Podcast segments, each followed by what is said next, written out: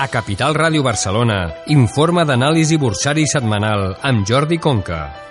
Benvinguts al butlletí bursari del 28 d'octubre a l'1 de novembre de 2019. Iniciem aquest espai revisant els fets més destacables de la setmana anterior i concretament amb l'evolució dels principals índexs bursaris. Comencem per l'índex Eurostock 50. Va tancar la setmana amb una cotització de 3.624 punts, va tenir una variació setmanal de l'1,26% positiva i la variació anual positiva és del 21,37%. El mercat espanyol, l'IBEX 35, va tancar la setmana a 9.430 punts amb una variació positiva setmanal de l'1,08 0,8% i una variació anual acumulada del 10,43%. En el mercat americà, l'Standard Poor's 500 va tancar la setmana a 3.022 punts, una variació setmanal positiva de l'1,22% i la variació anual del 20,57%. L'índex tecnològic Nasdaq va tancar la setmana a 8.243 punts, una variació setmanal positiva de l'1,90% i la variació anual del 24,23%. I finalment l'índex Nikkei va tancar la setmana a 22.799 punts, variació variació setmanal positiva de 1,37% i variació anual positiva del 13,91%.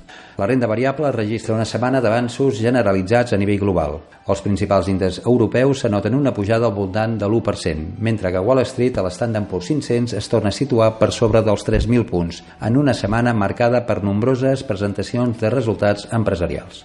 La setmana va començar amb la publicació de resultats a Europa i Estats Units i finalitza la setmana com va començar en relació al Brexit.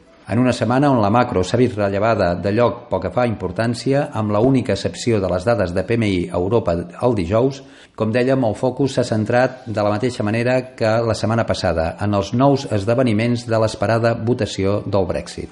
El passat dimarts a la nit, la Cambra de Comuns va aprovar per 329 vots a favor enfront 299 en contra donar llum verda a la tramitació de la llei del Brexit.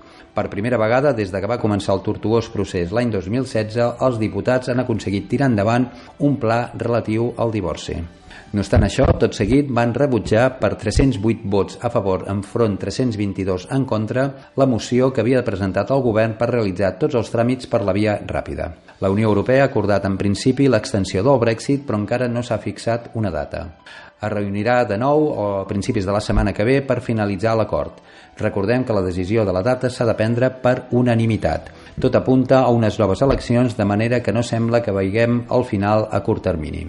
A part de les dades de PMI comentats, el Banc Central Europeu ha deixat, com s'esperava, els tipus inalterats.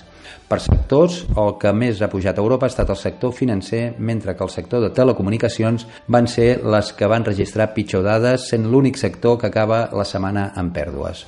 En el mercat de renda fixa, la rendibilitat del bo espanyol a 10 anys puja lleugerament fins al 0,27% enfront del 0,25% de la setmana anterior, igual que la TIR del bo alemany a 10 anys que tanca en uns menys 0,37% des del menys 0,38% de la setmana anterior.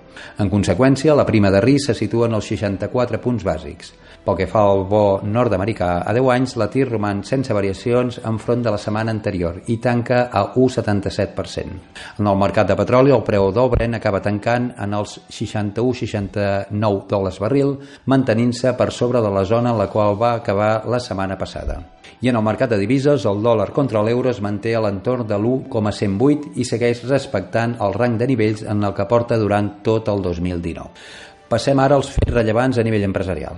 L'empresa DIA va celebrar el passat dimarts una Junta General Extraordinària d'Accionistes per aprovar una ampliació de capital de 505 milions d'euros, que culminarà el procés obert arran de l'OPA feta per l'accionista majoritari de la companyia Letter One. La Junta d'Accionistes donarà llum verda a una operació acordeó amb la reducció de capital de 56 milions d'euros mitjançant la disminució del valor nominal de les accions per compensar pèrdues, a la qual posteriorment seguirà l'ampliació de capital mitjançant l'emissió de 6.055 milions d'accions ordinàries a un preu de 0,10 euros.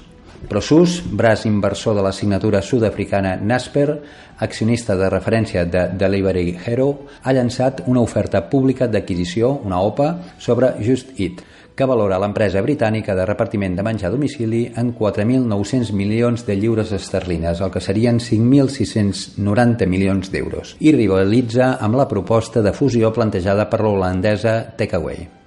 L'empresa Endesa comercialitzarà els seus serveis de subministrament de llum i gas a través de la xarxa de gairebé 2.400 oficines postals que Correus té repartides per tot el país, segons han informat les dues empreses. D'aquesta manera, aquestes companyies reforcen l'aliança que mantenen des de fa anys relacionada amb el pagament i enviament de factures de la signatura d'electricitat.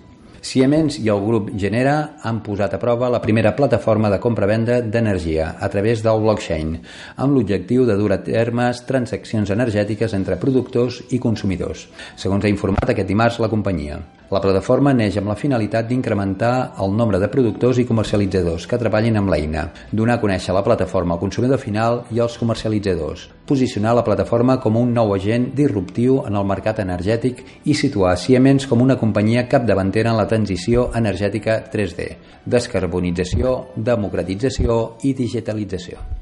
El Ministeri de Foment ha adjudicat a Ferrocer Infraestructures, filial de Ferrovial, un contracte de serveis per a tasques de conservació i explotació a l'autopista AP1, dotat amb un pressupost proper als 10 milions d'euros. Passem ara a l'apunt sobre economia catalana.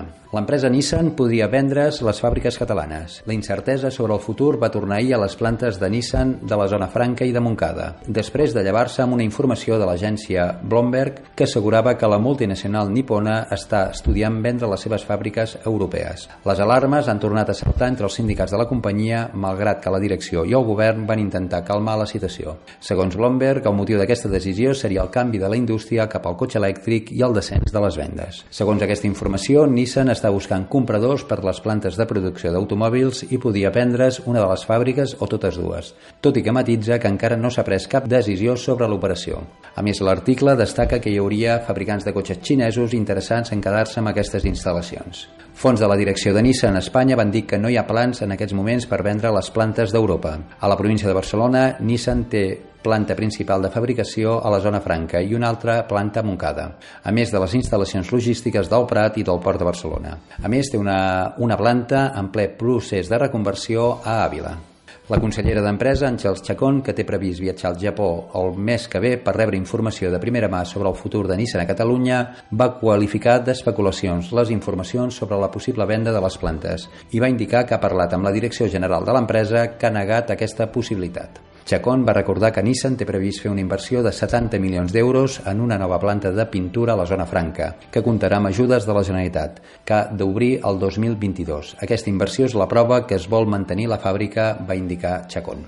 Per finalitzar aquest informe, passem als punts claus per aquesta setmana. Cal tenir atenció a la votació del dilluns sobre unes possibles eleccions previstes pel desembre al Regne Unit i la durada de l'extensió que la Unió Europea ha acordat atorgar a Downing Street. El dimecres finalitzarà la reunió de la FED i no s'esperen noves baixades de tipus. El dijous serà el torn del Banc de Japó, del que sí que podríem obtenir noves mesures d'estímul, tal i com va deixar d'entreveure la institució a la seva última reunió. Caldrà estar atents a la temporada de resultats de les empreses espanyoles. Entre altres, publicaran resultats BBVA, Santander, Bolsas Mercados Espanyoles, Celnex, Repsol, Bankia, Bankinter i Mafre. El lent abans de múltiples fronts oberts segueixen sent una forta incertesa, amb uns nous mercats que no han corregit les seves pujades de les últimes setmanes. Estats Units a prop de màxims històrics i Europa amb màxims de l'any, mostrant la complaença front als riscos, cíclics i polítics, però que al mateix temps tampoc tenen la força suficient per superar els seus nivells, reflectint una postura d'espera i veure. La renda variable segueix sent l'actiu que presenta el millor binomi rendibilitat-risc a mig termini, però necessitem més visibilitat sobre el cicle abans de prendre una posició més constructiva, tot esperant els millors punts d'entrada. I fins aquí aquest butlletí bursari d'aquesta setmana. El present informe ha estat basat en informacions de caràcter públic, especialment de les webs oficials de la Borsa de Barcelona i de la Borsa de Madrid. Jordi Conca, director dels Estudis d'ADE del Campus Manresa.